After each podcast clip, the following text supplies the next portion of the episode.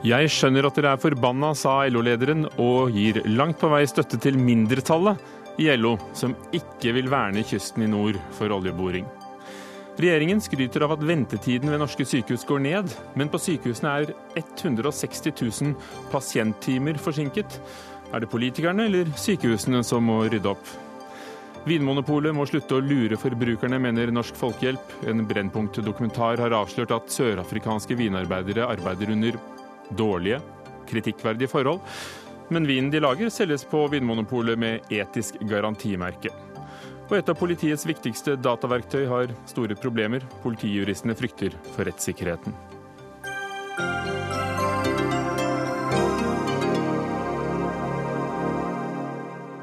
Velkommen til Dagsnytt 18 i dag med Hugo Fermariello i studio. Landsorganisasjonen LO er delt i synet på om oljeutvinning utenfor Lofoten, Vesterålen og Senja er lurt eller ei. Flertallet i LO vil verne områdene for alltid, men det vil tydeligvis ikke lederen. I går sa hun nemlig dette. Jeg skjønner innmari godt at dere er forbanna til dem som er mot vern. Vi spurte Geir Kristiansen om å komme hit, det kunne hun ikke. Men Frode Alfheim, du er nestleder i Industri Energi. Ditt forbund er i, i dette mindretallet. Ble du glad for Geir Kristiansens ord i går? Ja, jeg er veldig glad for det hun sa. Og uh, et mindretall og mindretall. Nå er det sånn at uh, jeg føler at med det hun Gerd sa i går på konferansen til LOs olje- og gassutvalg i Bodø i går, så har hun gitt uh, organisasjonen ro for å kunne diskutere det her på en god og fornuftig måte fram mot LO-kongressen i mai neste år.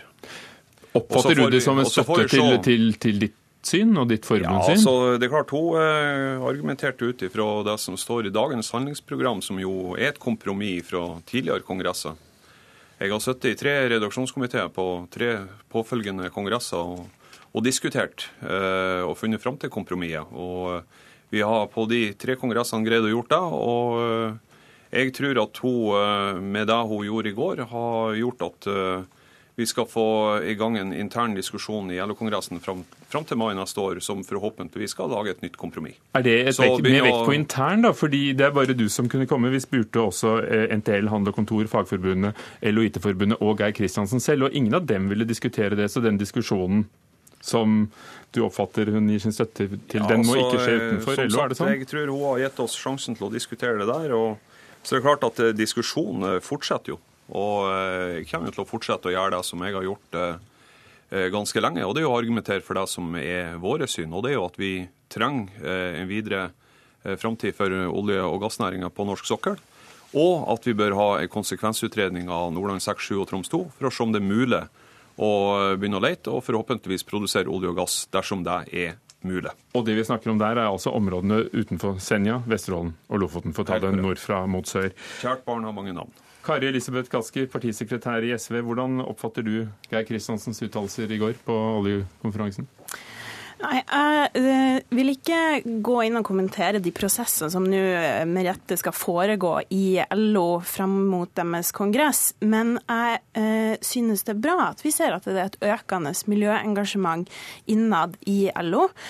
Og det er jo en ganske sentral debatt som vi ser at LO skal ha nå framover, som jo er en helt grunnleggende debatt for det norske samfunnet, nemlig hvordan arbeidsplasser vi skal skape for framtiden framtida. Hvordan vi skal greie å omstille oss vekk fra eh, oljeindustrien og over på industriarbeidsplasser eh, for på lang sikt. Men, men, du er jo absolutt for at LO skal gå inn for varig vern, ikke sant? Ja, jeg er opptatt av at vi nå eh, kan få en sterk fagbevegelse med oss i det grønne skiftet og med oss i den omstillinga som vi står overfor. Og la meg også si at jeg har stor forståelse og respekt for Industri Energi sin ønske om uh, å ivareta arbeidsplasser for sine medlemmer. Vi står i en stor arbeidsledighetskrise som rammer uh, deres bransje ganske hardt. Men desto er det viktigere å diskutere hva som skal være arbeidsplassene for framtida. Og vi vet at de beslutningene som vi tar i dag, de vil legge føringer på hva vi skal jobbe med om 30 år. Og da tror jeg at det som vil sette deres arbeidsplasser innenfor oljeindustrien i enda større fare, hvis vi fortsetter en, et for stor ensidig fokus på det, i stedet for å satse Men på andre hvordan, næringer. For det var jo arbeidsplassene Geir Kristiansen viste til i Dagsrevyen i går, at dette er hennes uh, største bekymring. Og her snakker vi om verdiskaping uh, og arbeidsplasser. Men, men, det er jo flere hensyn. Det er også uh, en omstilling på gang og fremtidens arbeidsplasser. I hvilken grad vil det få plass, tror du, på blant LOs forbund? Den, den, må ha stor plass. og Jeg er jo et forbund som representerer mange forskjellige næringer, ikke bare olje og gass. Og Vi er opptatt av at vi skal ha en utvikling som gjør at vi skal ha flere føtter å stå på. Men vi kommer ikke bort ifra at på mange tiår framover så vil den absolutt viktigste foten å stå på være olje og gass. Både for sysselsetting og, og arbeidsplasser, men òg for eh, at vi skal ha inntjening til den norske stat. At vi skal ha penger både for å forsvare den velferdsstaten vi har i dag, men òg for å ha penger på bok for å kunne drive en aktiv eh, politikk for å få eh, de her flere føttene å stå på. Kanskje, er det... nå, er, nå er det sånn at Vi har jo mista titusener av arbeidsplasser i, i olje- og gassbransjen i løpet av de ja, to og et halvt siste årene. Og Er det så enkelt som å si at eh, nå skal vi starte omstillinga, så har jo de gått inn i nye jobber. Det er jo ikke det som har skjedd. De har gått rett inn i Nav. Og Det viser bare at vi trenger mange mange år på å gjøre den omstillinga som, eh, som, trengs. Og imens så er vi nødt til å ha ei, ei olje- og gassnæring som eh, investerer og som tjener penger og som sørger for at vi òg har finansiert eh, drifta av den offentlige sektor. Og Der virker det som interessemotsetningene er så store mellom de forskjellige forbundene at Kaski, hvordan i all verden kan du se for deg at de kan komme til enighet? For det var det Geir Kristiansen eh, hadde som budskap, at vi blir nok enige på Kongressen i mai. Ja, og det blir jo Gerd Kristiansen sin jobb å få til den enigheten. Men jeg, jeg forstår frustrasjonen. Det det er, mange som har mista jobben sin nå, og, og, vi har en regjering som har et svar på det som er skattelette til de rikeste istedenfor Men nå er vi ikke her for å diskutere skattepolitikken, men, men hvordan i all verden kan dette forbundet, uh, bli, uh, organisasjonen, bli enige seg imellom, når motsetningene er så store? Det må eh, de eh, forbundene diskutere. Det som er sentralt, er at vi trenger en sterk, samla fagbevegelse som er med nå på å løfte fram eh, framtidas arbeidsplasser. Norge skal være en industrinasjon også om 30 år, men vi skal jobbe innenfor andre industrigrener enn olje- og leverandørindustrien. Og Derfor er det så viktig med Lofoten. For det er ingen som snakker om å, å legge ned alle oljearbeidsplassene i morgen. Men Lofoten, Vesterålen og Senja, åpning av nye områder for oljeindustrien, er helt, er helt spesielt. fordi at det dreier seg om å ta beslutninger for framtida, for hva vi skal jobbe for eh, med om 30 år. Og okay, Der er nok stopp. vi uenige. Hvordan blir dere da enige? For dere er nok uenige, sier Kaski selv. Ja, men altså, det er jo sånn at eh, Å legge hele ansvaret på omstillinga av eh, norsk arbeidsliv på om vi sier ja eller nei til Lofoten, det blir altfor altfor enkelt. Men vil dere da komme til... Og, skal vi, og Grunnen til at vi er så opptatt av at man skal konsekvensutrede Lofoten og, og Vesterålen og, og, Senja for å, se om vi kan få i gang en, en uh, oljeindustri og uh, i de områdene der. Det er jo rett og slett for at vi ser at vi har en aktivitetstørke framfor oss. Uh, og den kommer til å ramme ikke bare privat sektor og våre medlemmer, den kommer til å ramme norsk arbeidsliv generelt. For vi har levd nå i, i, ganske mange år på at vi har hatt en høy aktivitet, bl.a. med den forrige rød-grønne regjeringa, som jo har sørga for at vi bygde ut veldig mange pro, nye plattformer som produserer olje og gass. Men etter 2025 greier ikke vi å komme i gang med nye prosjekter som gjør at vi kan på, fylle på med ny produksjon av olje og gass, så kommer Norge til å ha en meget stor økonomisk situasjon. Hvordan skal du få gjennomslag for det i LO-kongressen hvis det et, er et flertall for varig vern? Da tror jeg at... Vil, vil, eh, vil, tror du noen tillitsvalgte vil gjøre alvor av trusselen om å bryte ut av LO? Eh, den diskusjonen har ikke vi eh, hatt overhodet i vårt forbund. og jeg tror Det vi skal ha fokus på, det er på saken. Og Vi kommer til å ha fokus på at det, det må være kunnskapsbaserte beslutninger vi tar. Så de har ikke kunnskap, de som er for varig vern? Det eneste vi krever, det er faktisk at vi skal ha kunnskap.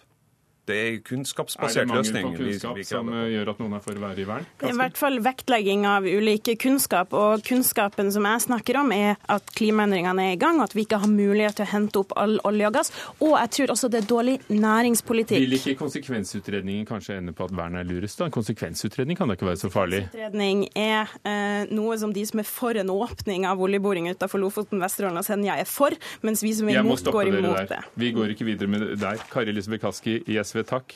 Og takk også til, eh, til, til, til deg, Frode Alfheim, nestleder Industri og Energi. Ja, Magnus Takvam, politisk kommentator her i NRK. Hvor hardt gikk egentlig Geir Kristiansen ut i går?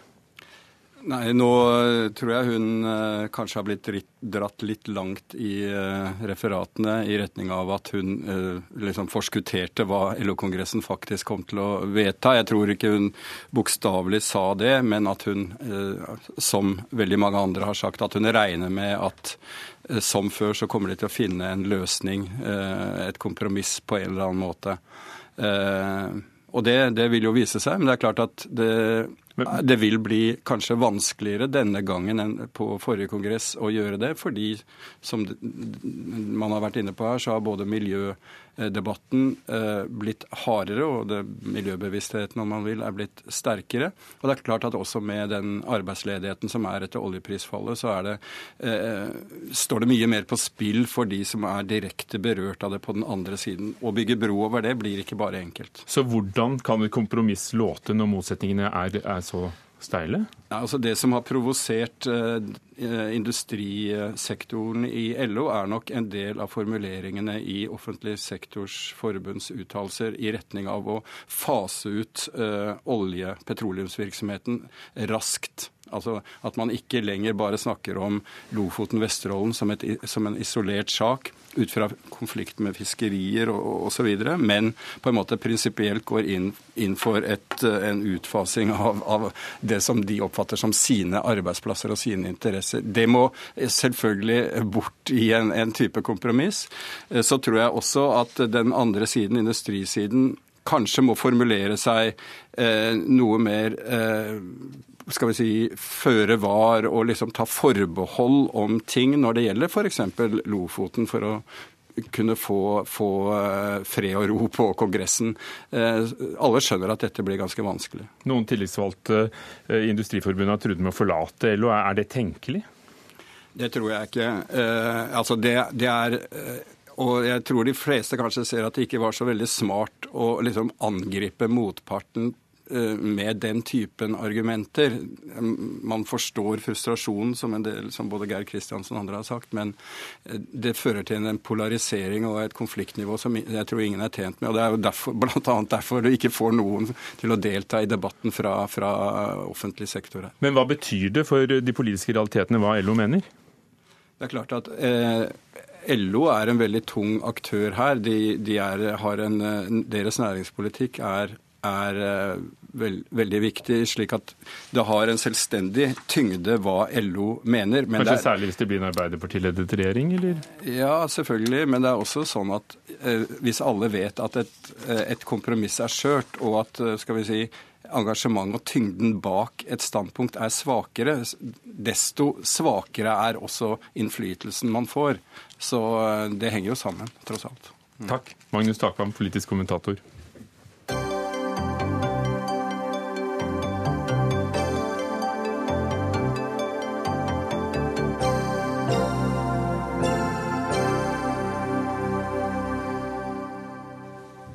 Og det henger sammen også her i Dagsnytt 18, for eh, vi skal fortsatt snakke om olje, og denne gangen oljeboring i Arktis. Olje- og energidepartementet er stevnet for retten for å ha brutt Grunnloven. Enhver har rett til et miljø som sikrer helsen, og til en natur der produksjonsevne og mangfold bevares. Naturens ressurser skal disponeres ut fra en langsiktig og allsidig betraktning som ivaretar denne rett, også for etterslekten. Slik lyder altså begynnelsen av grunnlovstillegget, som ble enstemmig vedtatt av Stortinget i 1992.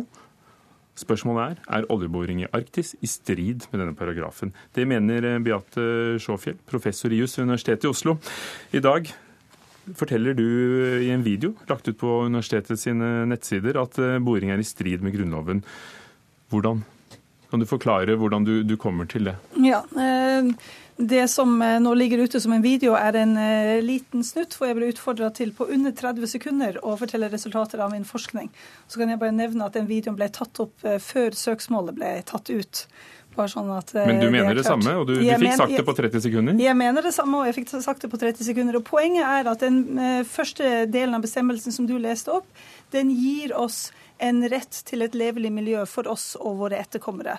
Og det har vært klart allerede fra 1992, da denne først ble vedtatt, at det innebærer at vi har rett til en viss minimum av miljøkvalitet.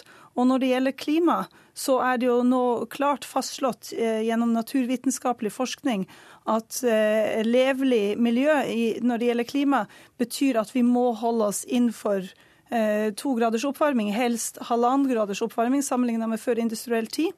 Og vi vet fra FNs eh, eh, klimapanel at det betyr at mesteparten av kjente fossile ressurser må bli liggende under bakken. Og da åpne opp nye områder i sårbare nord er fullstendig i strid med denne bestemmelsen. Det er kort versjon. Og det er altså Greenpeace og Natur og Ungdom som har stevnet Olje- og energidepartementet for, eh, for tildelingen av oljelisensen i Barentshavet. Eivind Smith, professor i offentlig rett, også ved Universitetet i, i, i Oslo.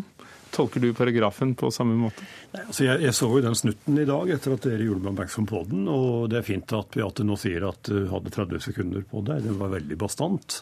Og den bastantheten syns jeg ikke det er grunnlag for. Altså det, jeg vil ikke ta definitivt standpunkt til den saken som nå ligger i domstolene. Ehm, det kan, det kan jeg si litt mer om hvis jeg får, får, får tid. Ehm, men denne veldig flotte åpningssekvensen som du leste om at enhver har rett til veldig fine ting. Det har aldri vært klart at det gir en, at det var alvorlig ment som en rettighet som kan gå til domstolene for å, å kreve. Og, og det Hvis det ikke at, var alvorlig og, ment, hva skal vi med den da? Som en rettighet som man kan gå til domstolene for å kreve. Den var nok alvorlig ment på sett og vis, fordi man var allerede da bekymret for klimaet. I hvert fall noen var det, og i dag er vi mye mer bekymret for, for klimaet. Men, men, det er jo ikke bare det som står i denne bestemmelsen. Altså det, det står jo også en bestemmelse f.eks. om en plikt for statens myndigheter til å gjennomføre disse grunnsetningene. Og da er det ikke lenger tale om rettigheter. Da er det storting og regjering som skal gjennomføre disse tingene. Så jeg vil gjerne understreke at det er jo ikke tale om hvorvidt de er bekymret eller ikke for klimaet. For, for, jeg deler mye av den bekymringen som Beate har. Men jeg tviler nokså sterkt på om paragraf 112 vil føre frem. Men om den vil gjøre det, kommer helt an på hvordan man skjærer til en sak. Jo mer konkret den gjøres, jo lettere vil det kunne være å nå frem. Og jeg syns et stykke på vei at de som har anlagt denne saken, har gjort en god jobb. der, de der sitter dere med, med, loven revet ut av Norges lover uh, foran dere.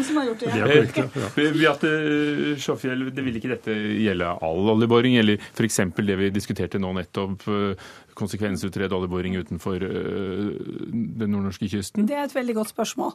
Eh, fordi det, som sagt så må mesteparten av kjente fossile ressurser bli liggende under bakken, hvis vi skal kunne greie oss å holde oss innenfor de sikre nivåene når det gjelder global oppvarming. Og da er det veldig mange vanskelige spørsmål som skal besvares etter hvert. Og så er det noen spørsmål som jeg mener er ganske opplagt, nemlig at når vi vet at mesteparten av det vi allerede har oppdaga må bli liggende under bakken, så skal vi holde oss unna eh, sårbare nord, hvor, eh, hvor, hvor, klimavirkningene er verre, hvor lokale miljøhensyn er verre, og hvor urbefolkningens rettigheter blir trua. Og for så vidt også eh, ukonvensjonelle metoder. Men jeg hadde lyst til å svare på, på eh, Eivinds Før du gjør det, det du ja. sa der, er ikke det den politiske tolkningen av teksten? Er det ikke det regjeringen eh, eller Stortinget må ta hensyn til når de implementerer dette? Det er også et veldig godt spørsmål. Og det er helt klart at eh, Grunnlovens 112 gir staten mye skjønn, skjønnsmyndighet i hvordan de skal gjennomføre dette her. Men det, men det, finnes en ytre grense. Grunnloven trekker opp grensen som politiske avveininger må skje innenfor. Og her, etter mitt syn, basert på en omfattende studie av Grunnlovens 112, nettopp i lys av 23. konsesjonsrunde, så er man her utenfor det handlingsrommet. For at det er så opplagt eh, brudd på det minimumsnivået som, som, vi har krav på. Og det var klart allerede i 1992, i forarbeidene der, at man ikke ville vedta en programbestemmelse. Man mente å gi bestemmelsen rettslig virkning. Smith, hva ville vært et brudd i dine øyne på paragraf 112? Det er det veldig vanskelig å si. Altså, hvis man kommer ned på et nokså konkret eh, vurderingsnivå, så finnes det sikkert eksempler på at man kunne fått til et, et, brudd. Jeg sa at i denne saken så har de gått ganske langt i retning av å skjære det til, slik at det kanskje kan være mulig for en domstol å ta standpunkt til det. Men, men, de tingene, perspektivene som Beate nå trekker opp, er veldig store spørsmål. Altså Noen ressurser må bli liggende i bakken. Regjeringen kunne si hvorfor akkurat våre og ikke noen andre.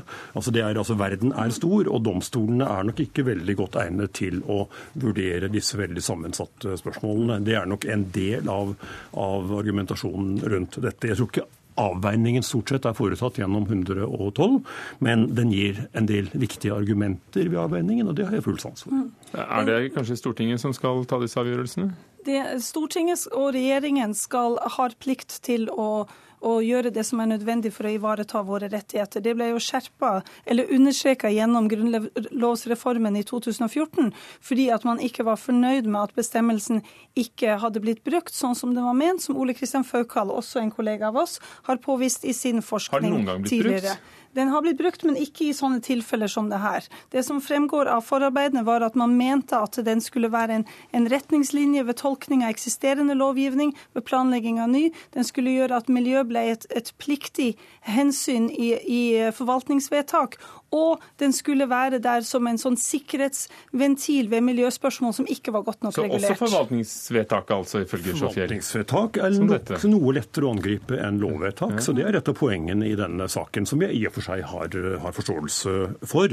Eh, men så bør det nok kanskje sies at eh, når denne bestemmelsen pålegger statens myndigheter visse plikter, og det er vi enige om at eh, det gjør, og det har de gjort siden 92, det skjedde ikke noe vesentlig for to år siden på det punkt, da er det spørsmålet hvem håndhever regjeringens plikter etter Grunnloven, Stortingets plikter etter Grunnloven? Og svaret på det er jo at det er ikke Oslo tingrett som gjør det, det er det vi kaller riksretten.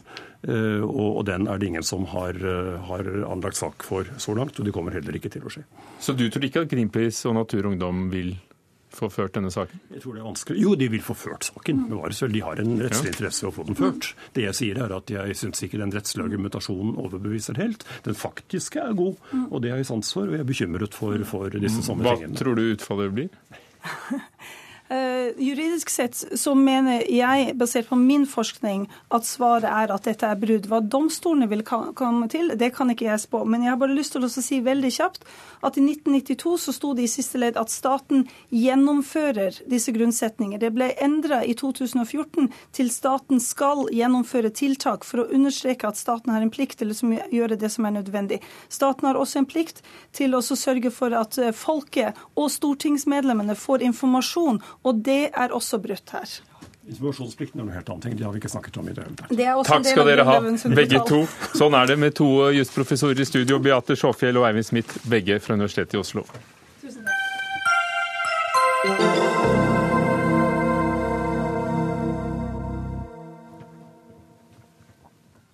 Vi har jo hørt noen ganger regjeringen eh, skryte av at ventetidene ved sykehusene går ned. Men eh, nok en gang har tidsskriftet Dagens Medisin en eh, sak i utgaven som kom i dag, som setter i gang en debatt om dette. For som Fagbladet tidligere har avdekket, opererer sykehusene med sine egne uoffisielle frister for hvor lenge de mener det er forsvarlig at pasientene venter på behandling. Og ifølge Dagens Medisin har sykehusene i Norge 160 946 forsinkede pasientavtaler. Geir Arne Larsen, avdelingssjef ved Ahus, gastrokirurgisk avdeling og overlege. Eh, dere hadde et tall som var rundt 3700 pasienter som skulle ha vært inne på sykehuset, eh, men der dere ikke hadde overholdt deres egne eh, frister. Hvor alvorlig er det, og hva ligger i dette tallet? Det er ganske alvorlig, fordi vi har i i grunnen ikke full kontroll over hvilke tilstander som ligger i den pasientgruppen. Vi vet at en del av denne, dette tallet utgjør teknisk nær sagt feil eller eh, logistiske feil, og de skal ut av listen. Um, altså at de ikke hadde forsinket, det var bare ikke krysta på skjemaet? Ja, det er riktig.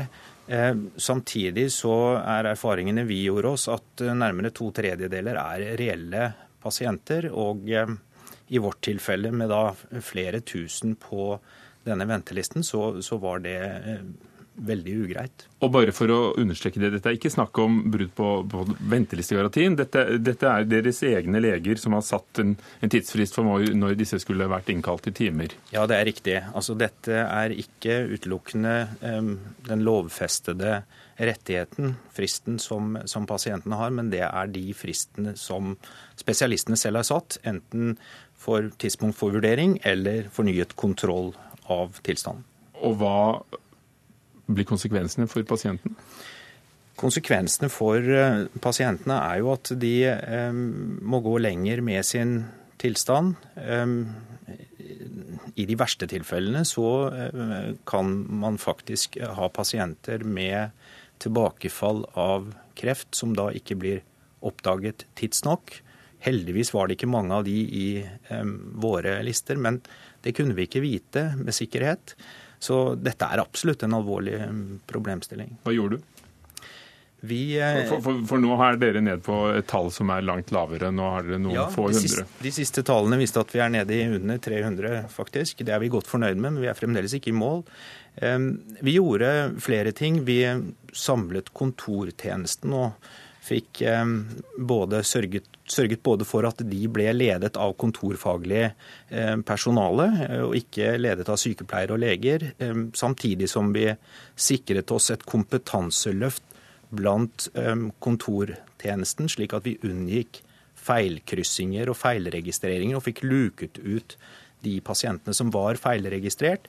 Men i tillegg til det så var vi nødt til å eh, organisere legeressursene våre bedre, i den forstand at vi måtte øke antall konsultasjoner på poliklinikkene våre. Men Sier du at det holdt å, å røske opp i organisasjonen, at det egentlig ikke kostet mer å, være, å, å nå målene? Ja, vi klarte å gjøre dette uh, uten ekstra ressurser. Men vi hadde god hjelp av Sykehuspartner uh, helt fra start. Som er altså? Eh, Sykehuspartner er eh, Helse Sør-Øst som eh, har en egen innsatsgruppe for holdt jeg på å si, utfordrende poliklinikker. Altså en, en e et Folk eget team. Veier, ja. som hjalp oss. I tillegg til det så forankret vi det helt opp til administrerende direktør på Ahus. Og vi erkjente på en måte at denne problemstillingen måtte vi bare løse. Eh, det var vårt, mitt problem, men vi klarte ikke å løse det alene. Bent Høie, helse- og omsorgsminister fra Høyre. Som vi hører fra Ahus, det var et problem. De har klart å, å nærmest uh, løse det. Når fikk du uh, første gang vite om uh, denne utfordringen for sykehusene? Ja, Det er en stund siden. Dette var jo bl.a. bakgrunnen for hele ideen om pakkeforløp. Fordi når vi så på Norsk kreftomsorg, så så vi jo at en høyrisiko for kreftpasienter med mistanke om kreft, var jo akkurat eh, rundt dette. Og Pakkeforløp eh, på kreft er jo et virkemiddel for å løse nettopp dette problemet, som nå er innført for, eh, for kreftpas, kreftpasientene. Og så eh, var det sånn at eh, Vi hadde jo ikke noe tall på dette, på alle pasientene. Eh, og Derfor så ba jeg i januar i år helseregionene om å sette i gang et arbeid med å lage en indikator, sånn at vi òg kunne få vite Eh, hvilke sykehus og hvilke avdelinger som òg eh, hadde utfordringer med å planlegge pasientbehandlingen etter at pasienten var kommet inn i sykehuset. Fordi vi har redusert ventetiden til sykehus. Færre pasienter står i kø. Men jeg er òg opptatt av at pasientene skal både få redusert ventetid i sykehus, men òg oppleve at behandlingen i sykehus går sånn som planlagt, og at de slipper at ting blir utsatt og kansellert. 160 000 pasienttimer til sammen over hele landet, ulikt fordelt eh, mellom de forskjellige sykehusene. Eh, du satte i gang arbeidet i januar for å finne ut av dette, men når fikk du vite om det? Du snakket om eh, at det var derfor du foretok deg noe når det gjaldt behandlingen av kreft. Du tenker vite tallet? Ja, ja tallet eller problemet, at dette, dette, er et problem? Problemet har vi jo jobba med lang tid. og men tallet fikk vi nå i forrige uke, fordi det var da vi hadde satt fristen på å rapportere. Vi bestemte juni, 1. juni at dette var den indikatoren som vi ville ha. Uh, og Det var det bl.a. basert på de erfaringene som vi har fra Helse Sør-Øst. Og så sa vi at nå skal dette bli et nasjonalt uh, tall som vi måler sykehusene og avdelingene på. Eh, og så har vi nå fått fram tallet, og nå på fredag så har jeg møte med alle sykehusdirektørene i Norge. Eh, da kommer vi til å gå gjennom dette, og det som kommer til å være veldig viktig budskap fra meg til de, er jo nettopp at de må nå opptre sånn som eh, direktøren på Ahus, nemlig være veldig klar på at når de ser at de har avdelinger på sitt sykehus som har disse utfordringer, så må de gi god støtte og backe opp de avdelingslederne som skal jobbe med dette. Følg eksempelet her. Ja, og i fjor Eh, så ba jeg alle helseregionene etablere den type hjelp som eh, han beskriver her fra Sykehuspartner. Og Det gjøres litt ulikt i ulike regioner, men i Helse Sør-Øst har de Sykehuspartner. I Helse Vest har de et stort prosjekt som heter Alle møter, og Vestlandspasienten, som egentlig jobber med akkurat det samme. Så du vil si at dere er i full gang? Dette er vi i full gang på. Jeg er veldig glad for at vi har fått fram disse tallene. En kunne jo i din innledning få et inntrykk av at dette er tall som Dagens Medisin liksom har lurt ut av sykehusene, men dette er tall som jeg har bedt om, og som nå er offentlige, og som kommer til å bli offentliggjort jevnlig framover. Torgeir Micaelsen, eh, andre nestleder i helse- og omsorgskomiteen på Stortinget for Arbeiderpartiet. 160 000 pasienttimer. Endelig har vi fått vite tallet, sier Bent Høie. Og vi har ett et eksempel her på sykehus som er i gang. Dette må være glimrende politisk ledelse. Nei, det synes jeg ikke. Eh, og Grunnen til det er at dette eh, tallet først ble ordentlig kjent etter at særlig Markus Moe og Dagens Medisin begynte journalistisk å jobbe med saken. Og etter at jeg og andre i Stortinget begynte å spørre ettertrykkelig for å få mer svar på hva som faktisk foregikk bak fasaden til regjeringens helt ensidig skryt av at ventetidene falt. Dette problemet er ikke et nytt problem. Denne, denne saken om at du i juni ba om at da skulle denne indikatoren som vi snakker om, brukes som nasjonal indikator, det var jo etter at Dagens Medisin og NRK eh, slo opp svære oppslag om at du ikke hadde kontroll på en lang rekke avdelinger. Men det er ikke så viktig nå. Nå har vi disse tallene. Det er bra. Torgeir Micaelsen, ja, Altså, det er tull fra ende til annen, eh, og det kan sjekkes i protokoller. Altså, denne beskrivelsen for Torgeir Micaelsen om at dette tallet er et resultat av hans engasjement, eh, det er bare du går og se hva som har skjedd eh, tidligere. Dette er et tall som vi har bedt om. men som Og hvorom allting er. Ja. Nå er det der. Det er offentlig fordi Dagens Medisin var inne i postjournalene. Du hadde kommet med dem uansett. Torgeir Micaelsen, det oppstår ikke over natten et sånt problem. Det har kanskje ikke oppstått eh, på et år eller to. Kanskje det har vært der til og med eh, for åtte år siden, da Arbeiderpartiet satt med makten. Helt åpenbart. Uh, Hva gjorde dere for å, å, se på problemet? Vi ryddet opp i helseøkonomien. Uh, det var store underskudd i sykehusene. Vi hadde store omstillinger mange steder for å få mer kontroll over ulike ting. Uh, og vi gjorde en lang rekke andre ting men det vi ikke gjorde, det var at vi ensidig brukte den ene fliken av sannheten som viser den offisielle ventelistestatistikken, til å drive litt sånn selvforherligende selvskryt som Erna Solberg, som er statsminister, og Bent Høie har gjort eh, over, over, nå veldig lang tid. For det er det som er problemet her, at man har valgt seg ut en del av norsk sykehusvirkelighet og framstilt det slik at på hans sin vakt da, som helseminister, så har ting blitt ekstremt mye bedre. Nå har vi tall etter tall, indikator etter indikator, avsløring etter avsløring som viser at bak fasaden så er det mange sykehusavdelinger som har gjort en super jobb og ryddet opp og gjør det veldig bra. Men det er også svært mange steder det er tusenvis av pasienter som opplever ukentlig eller månedlig å få utsatt planlagte inngrep, behandlinger eller undersøkelser. Og nå er det på tide at vi får en mer edruelig og mer ordentlig helsepolitisk debatt uten dette sjølskrytet fra regjeringen. For det første så er det sånn at uh, dette er et arbeid som vi har satt i gang. Jeg mener det er veldig viktig. Uh, fordi Vår politikk handler ikke bare om å redusere ventetiden til sykehus, men også ventetiden i sykehus. Men jeg reagerer veldig sterkt uh, på det Torgeir Micaelsen her nå sier. Fordi de resultatene som er oppnådd de tre siste årene, det er at det står 80 000 færre pasienter i kø enn når Arbeiderpartiet satt i regjering. Det er at ventetidene går kraftig ned. Det er at vi ser at i Helse Sør-Øst, som har jobba med dette i ett år, at antallet pasienter som opplever det, at den avtalte tiden blir brutt, òg har gått ned med 28 000 eh, på halvannet år. Det er jo et resultat av den innsatsen som ledere, ansatte i sykehusene gjør. Og når statsministeren var i forrige uke på Drammen sykehus, Torgeir Micaelsen sitt eget lokalsykehus, møtte de ansatte for å nettopp gi ros til den innsatsen som er gjort, så er altså Arbeiderpartiet sitt svar på det det er å stille spørsmålstegn med resultatene det å prøve å fremstille de resultatene som nærmest juks og fanteri. Og det finner meg ikke i på vegne av de tusenvis av ansatte i sykehusene som faktisk står på nå, virkelig, for å oppnå viktige mål, ikke for meg eller Torgeir Micaelsen, men viktige mål for pasientene. Nemlig at pasientene skal oppleve kortere ventetid og tryggere forløp gjennom sykehusene. Er det ikke nettopp disse tallene som da er instrumentet for å, å få Eh, løst flokene og flaskehalsene? Jo, problemet er at det skjer tre år etter at Bent Høie begynte å skryte ensidig av at det var hans fortjeneste av at ting skulle bli så mye bedre i sykehusene. Nå har han begynt å skryte av sykehusene. Det syns jeg er veldig bra. Det har jeg gjort i mange år. Veldig bra norsk helsetjeneste. Men man kan ikke snakke seg bort fra at det er ikke jeg i Arbeiderpartiet som påstår dette. Dette er uavhengige fagfolk, uavhengige journalister og andre som ettergår tallene til Øye, som sier det jeg gjør. Vi har nettopp en sånn en her. Ja, uavhengig fagfolk og journalist. Vi hva som er Redaktør i Dagens Medisin, Markus Mo.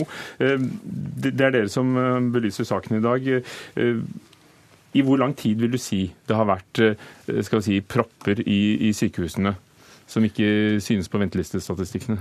Det har nok vært der til alle tider. Så dette er nok ikke et nytt fenomen.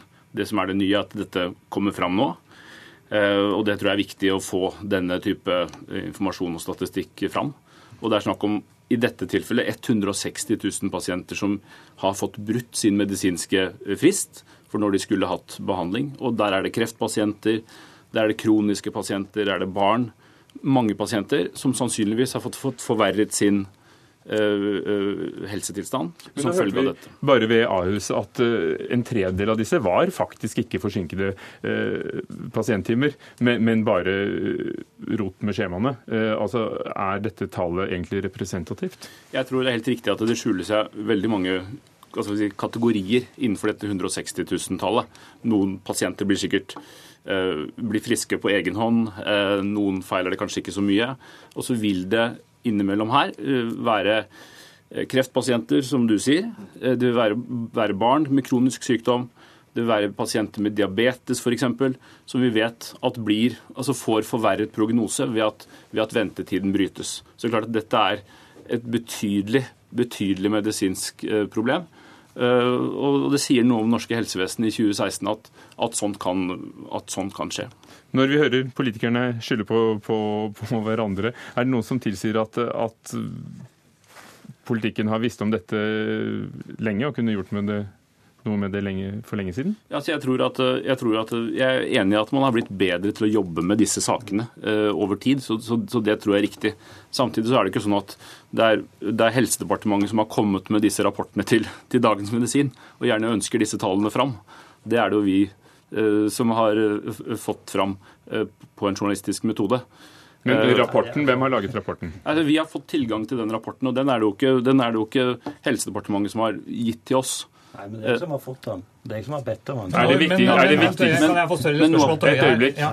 Er det viktigste at Dagens Medisin vet om dette, eller faktisk Helsedepartementet?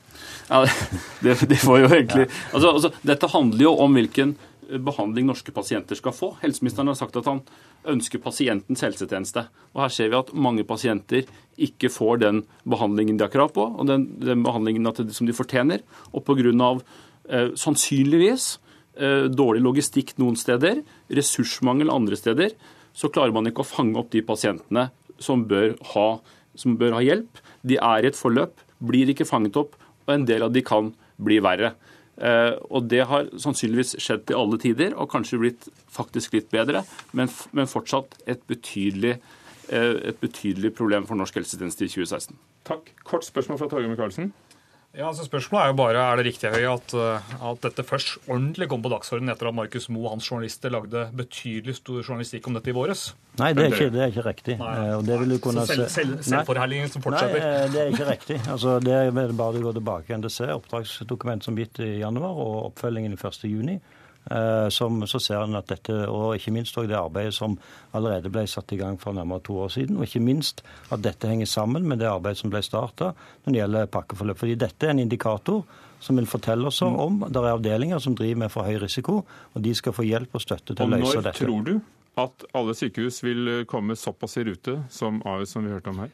Det vet vi ikke ennå, fordi vi har fått dette tallet for første gang. Og det er først når vi har fått det tallet over tid at vi kan se på hvor lang tid det tar. Men det som i hvert fall er helt sikkert, er at de som nå har utfordringer, kommer til å få hjelp fra sin øverste leder på å løse det for å få, eh, resultater. Det vil bety at pasientene får tryggere og bedre pasientbehandling, og det som er òg mitt mål. Takk. alle sammen. Bent Høie, helseminister, Torgeir Micaelsen fra Arbeiderpartiet, Markus Moe, redaktør i Dagens Medisin, og Geir Arne Larsen fra Ahus.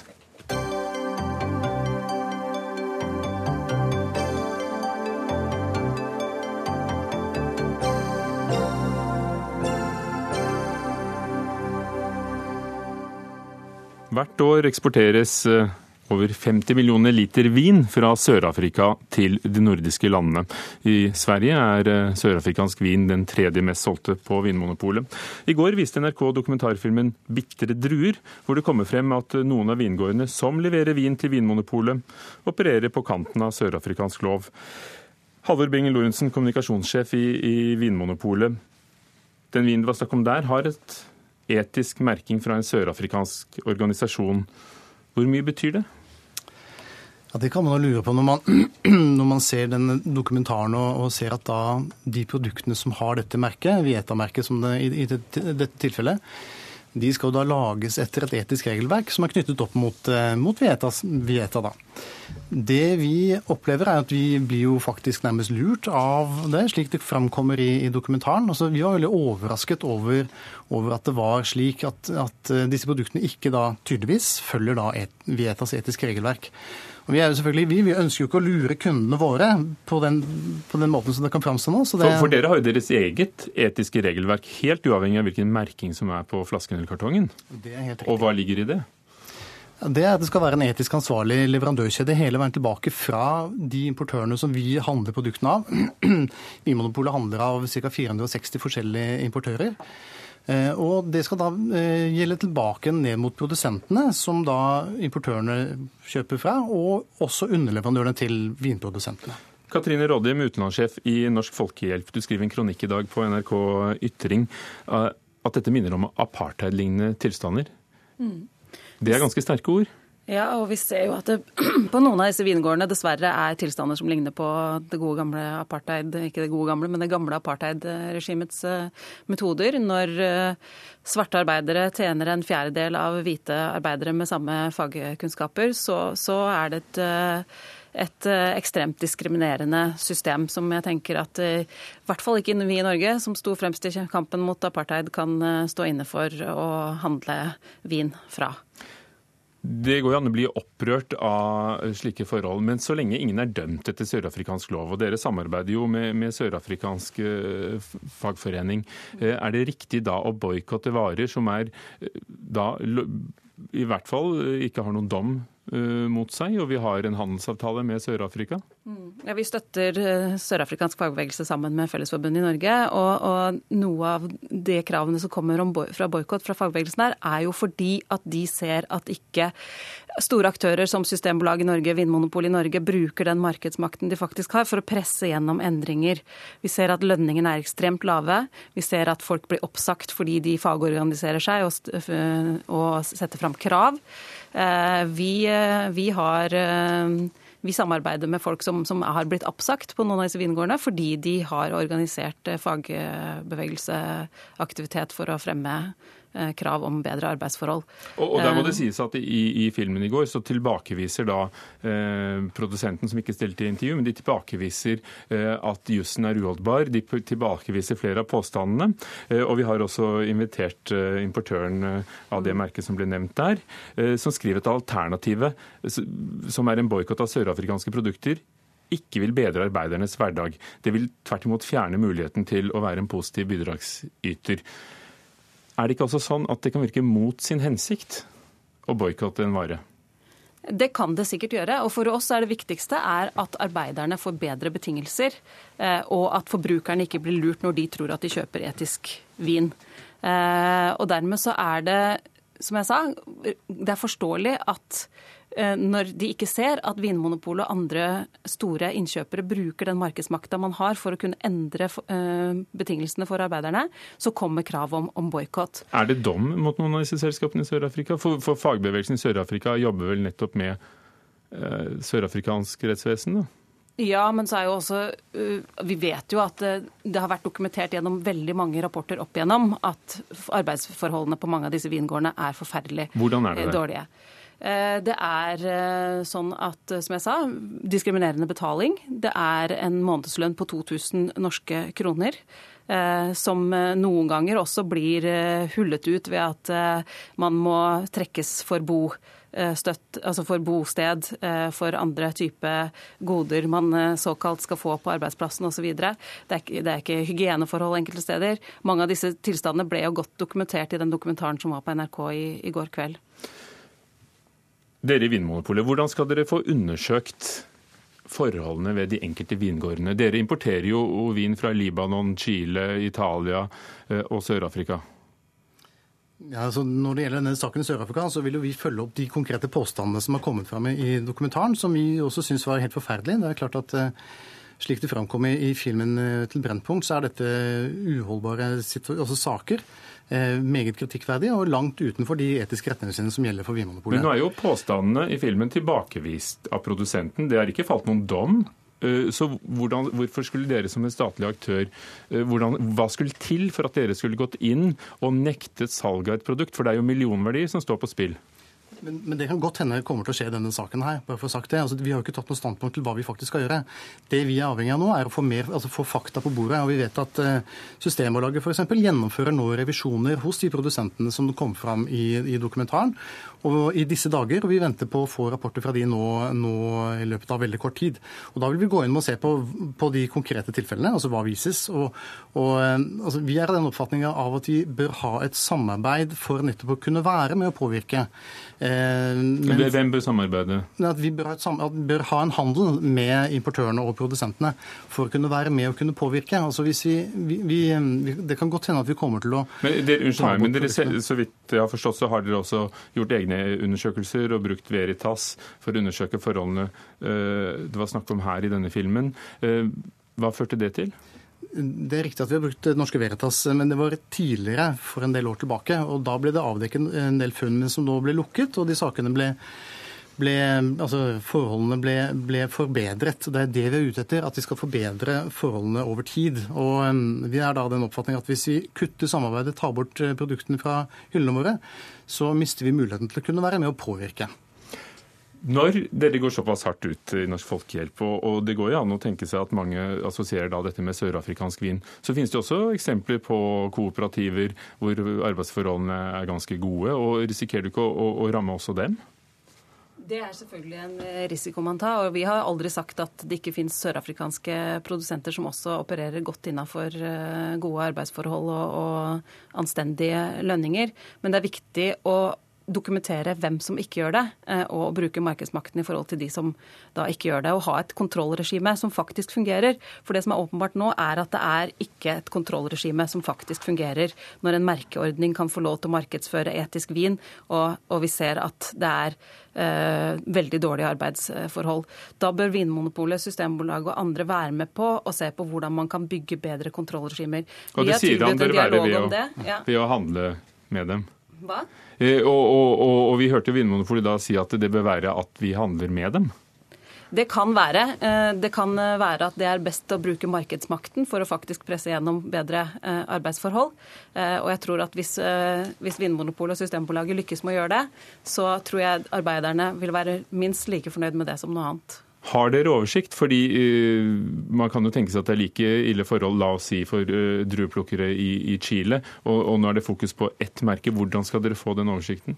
Vi, vi, jobber jo for å bedre forholdene til arbeiderne i vinbransjen i, i, hele verden. Og gjennomføre revisjoner og kontroller og dra ned til produsentene for å sjekke hvordan forholdene faktisk er.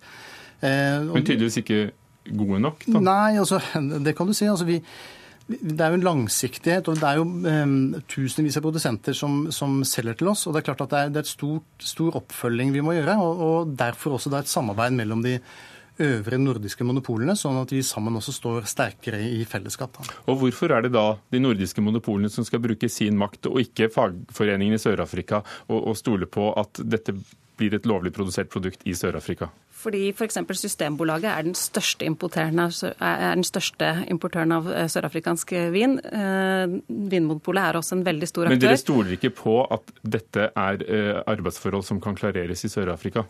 Er det det? Vi ser at det er merkevareordninger og kontrollordninger som ikke fungerer, og vi vet at dette er utbredt ikke bare i vinproduksjonssektoren, men også i andre sektorer i Sør-Afrika. Det er svake kontrollsystemer for arbeidsforhold, eh, og vi som kommer fra Norden bør bidra til at de blir bedre. Takk skal dere ha, begge to. Halvor Bing-Lorentzen fra Vinmonopolet og Katrine Rådim fra Norsk Folkehjelp.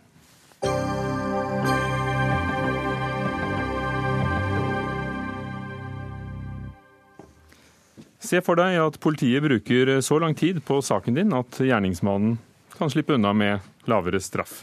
Dette kan bli situasjonen fremover, frykter politijuristene. Årsaken er store problemer med et av politiets aller viktigste datasystemer. Problemer som kan ta flere måneder å rette opp. Are Frykholm, nestleder i Politijuristenes eh, fagforening Akademikerne. Dette datasystemet som heter BL har eh, vært ustabilt og tregt ganske lenge. og Som påtalejurist ville du vel fått gjort eh, jobben din slik det er nå? Eh, nei. Det tror jeg ville vært veldig veldig vanskelig. Altså Man har begrenset antall adganger betraktelig i forhold til det man har hatt tidligere. Så de tilbakemeldingene vi får, er at man sitter med omtrent 30% i produksjon, og de øvrige sitter vel mer eller mindre og tvinner tommeltotter og håper på at, de, at, systemene skal bedre seg, sånn at de får gjort, eh, gjort jobben sin. Hva slags eh, saker eh, dreier det seg om? Det dreier seg om straffesakene. Påtalejuristene er jo etterforskningslederne i politidistriktet, så de håndterer et stort antall etterforskninger som pågår tar inn sakene til vurdering, eh, avgjør om de skal eh, føre til eh, rettslige skritt, eller om de skal henlegges, og aktorerer de i ettertid. Og alt dette er vevd sammen av denne basisløsningen, altså BL, datasystemet. Fra 1996? Fra 1996. Alt fra anmeldelse til man sluttfører saken i domsregisteret, eventuelt sender innkalling til den enkelte som skal få til soning eller skal få, få noen bøter. Og, og hvor, hvor, mange, Går det an å gi noe begrep om hvor mange og hvem dette rammer? Det rammer jo alle som er eh, omfattet, altså fra du skal levere en anmeldelse til du eh, på en måte er eh, Altså, Er du anmeldt, eller er du på en måte fornærmet i en sak også? Så det er jo, Alle blir berørt av dette her. Så det er jo samfunnet som lider av at politiet ikke klarer å levere den tjenesten de har behov for å levere. Så vår frykt er jo selvfølgelig at dette kan gå utover kvaliteten, så man ender opp med at uh, saker og dokumenter som da blir produsert utenfor basisløsningen, blir borte, så man mister verdifulle bevis. Man får ikke gjennomført straffesaker eller reagert på straffesaker innenfor de fristene som man uh, i utgangspunktet er lovpålagt å gjøre, slik at fornærmede ikke får den, det vernet de har behov for innenfor det tidsaspektet som man har, har sett, sett, at det skal, skal gjøre. Da. Kristin Kvigne, direktør for politifag i Politidirektoratet. Dere er jo ansvarlig for dette systemet. Har dere forsømt dere? Hvordan, hvordan kunne det skje? Ja, Nå har jo politiet meldt om problemstillinger knyttet til et gammelt datasystem eh, mange ganger. og Det er også en oppfatning som deles av Justisdepartementet. Eh, når det gjelder eh, BL, så oppdaget vi at det var ustabiliteter i dette systemet. Og det ble da besluttet at vi måtte ta ned antall brukere for å finne feilen som førte til denne ustabiliteten. Så det er det man jobber med nå. Nå jobber man med en feilsøking for å rette opp dette. Inntil eh, den feilen er funnet, så kjører vi da med et begrenset antall brukere på. Vi er nå på ca. 1000 brukere eh, per dag eh, på dagtid, eh, i eh, motsetning til en normal eh, adgang for, for omtrent 3000 brukere. Men kunne vi tenkt oss at et system fra 1996 som jo høres veldig gammelt ut i IT-verdenen, var blitt oppgradert sånn at vi ikke havnet her?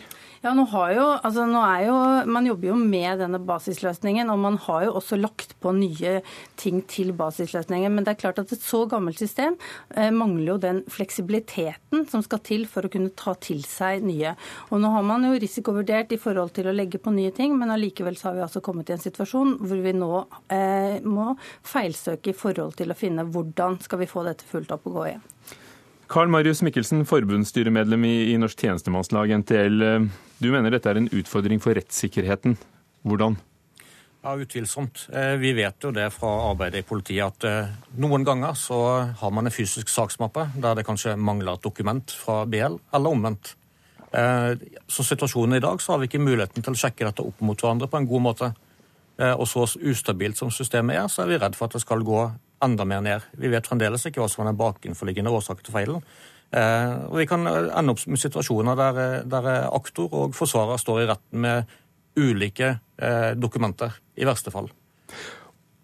Men oftest fra, fra, politibetjentene hører vi om behovet for, for, flere av dere. Flere mennesker i gatene og, flere etterforskere. Hvorfor har vi ikke hørt mer om krav om pålitelige og nyere systemer? Ja, dette er jo noe som vi har luftet lenge.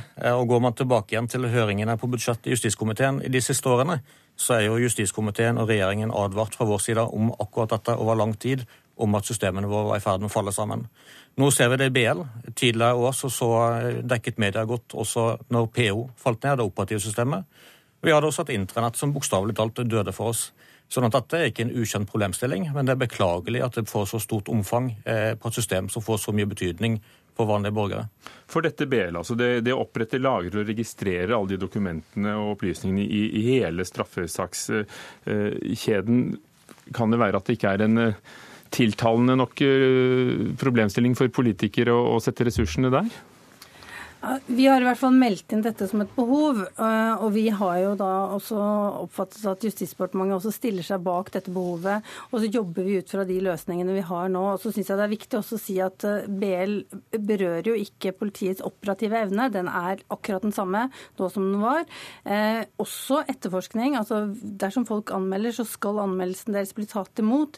Vi vil prioritere de alvorlige sakene også under denne situasjonen. Men fare for rettssikkerheten, da? Ja, eh, jeg, jeg hører, hører, hva man sier. Og her er det jo viktig at man lokalt også finner gode rutiner for hvordan man skal ta vare på de dokumentene som, som lages.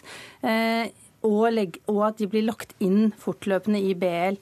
Fordi det er jo viktig for oss at det så raskt som mulig kommer inn i BL. Vi har det er ikke, systemet er ikke nede. Systemet er eh, fungerende, men for en mindre gruppe brukere. Det er viktig da at man lager gode rutiner lokalt. Vi er i tett dialog med politimesterne for å få til dette, sånn at vi kan stole på at de registrene vi har, er oppdaterte så langt det går an å være. For Are Frykholm, Det må dere vel klare, dere politijurister, å skrive noe på, på ett dokument og så føre det riktig inn når dette systemet kommer opp å stå? Ja, altså Det går an å produsere dokumenter, men det er en mye mer tungvint prosess. Og man har ikke tilgang på de registrene man trenger for å slå opp og få eh, sjekket opp informasjonen, andre typer saksopplysninger i de straffesakene som man jobber med. Og veldig mye av den informasjonen man baserer seg på, kommer jo fra BL, så man er jo helt avhengig av å få informasjon fra avhør, fra andre dokumenter, fra andre saker som knytter seg til denne. Eh, og det er jo helt ute, utværende, eller det, det, det, mangler jo da. Altså må man jo registrere den informasjonen inn igjen. Og det er jo måte all den tiden du bruker på å finne alternative løsninger, må du da i ettertid også bruke på å eh, registrere inn den informasjonen som du har lagret utenfor. Da. Og det er jo leit, men nå hører vi Kvigne si at de holder på for fullt å feilsøke. Hva, hva, hva mer skal de gjøre? Kjøpe nytt i morgen? Nei, men eh, det er jo en krise når man ikke har en reserveløsning. Da. Altså Man har ikke noe å falle tilbake på som en reserveløsning. Når det viktigste saksbehandlingsverktøyet i straffesakskjeden kneler, så er man helt på bar bakke. Er dere for, for dårlig rustet? Ja, Nå er vi jo ikke på bar bakke. Nå er vi jo nede på Altså, systemet er oppe og går. Så vi har jo ikke knelt i systemet. Men det forårsaker propper og, ja, og, jeg, og, risikokilder? Ja, og vi forstår veldig godt den frustrasjonen som er ute. Den deler vi i stort monn i Politidirektoratet, og vi jobber på fullt for å feilsøke nå. Og vi ønsker som sagt større satsing på IKT-området for politiet. Og vi prøvde jo også å få statsråden her, som, som ikke kunne komme, men, men sendte deg. Hvorfor har dere ikke et reservesystem? Nå eh, har vi jo bygd opp dette systemet, som er vårt saksbehandlingssystem. Så har vi, som jeg sier, meldt inn store behov på IKT-området for politiet. Der er vi ikke i land. Du skulle gjerne hatt et nytt system, du, men vi er i den situasjonen vi er i. Karl Marius eh, Mikkelsen, hvem er det som i dine øyne har, eh, har utlatt å gjøre jobben sin, som sørger for at dere ikke har, har noe større og bedre og reserveløsninger som funker hele tiden? Dette er jo til syvende og sist et politisk ansvar for regjeringen. Og så registrerer jeg at justisministeren som vanlig skylder på de rød-grønne som kom foran. Eh, og så kan han si at han har ikke ansvar Nå er jo ikke han her, da. Men, det... Nei, men, men det, det, er greit at en justisminister sier at jeg har ikke ansvar for situasjonen vi har kommet i. Men det er utvilsomt regjeringens ansvar å rydde opp i det. Eh, og det, Dette med BL nå er dessverre bare et symptom på hvordan det er med de gamle datasystemene i politiet. Det kommer ikke til å være siste systemet vi får problemer med. Men når vi hører at det er fra 96, det er jo ikke sånn at maskinene dere sitter med er fra 96. Dette er vel blitt oppgradert hele veien? maskinene som sitter på pulten til den enkelte har blitt oppgradert. Så kan man gå tilbake til serverne, der problemene og programmene faktisk skal kjøres. Eh, og der er det en del ting som er svært gammelt. Når får dere, når får dere løst det? Ja, Vi jobber for fullt med dette, og jeg håper jo at vi skal få løst det så raskt som absolutt uh, mulig.